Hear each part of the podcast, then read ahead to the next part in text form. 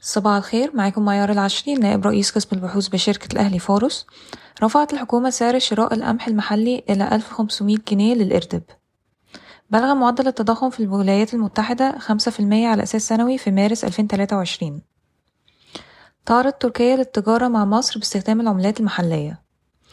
سيقوم تحالف يتكون من Smart Engineering Solutions وفرينل بإنشاء محطتين لتوليد الكهرباء باستخدام نظام مجمعات مركزة بطاقة إجمالية تبلغ 70 ميجا وات وتكلفة استثمارية تبلغ 11 مليار جنيه.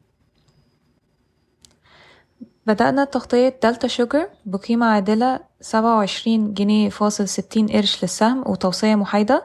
في توقعاتنا نقدر أن أسعار السكر العالمية ستنخفض بعد ذروة حادة في السلع ومع ذلك من المتوقع أن يوازن التأثير السلبي انخفاض قيمة الجنيه.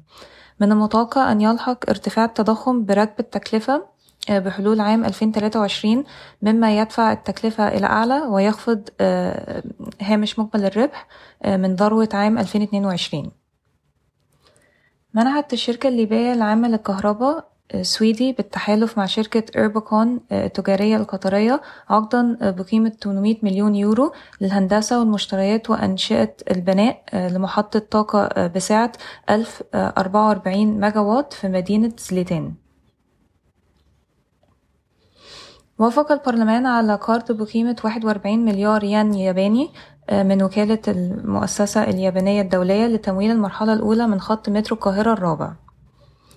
تختتم الهيئة العامة للموانئ البرية والجافة تسلم العروض الفنية والمالية لمناقصة إنشاء ميناء جاف ومركز لوجستي في العاشر من رمضان الخميس المقبل.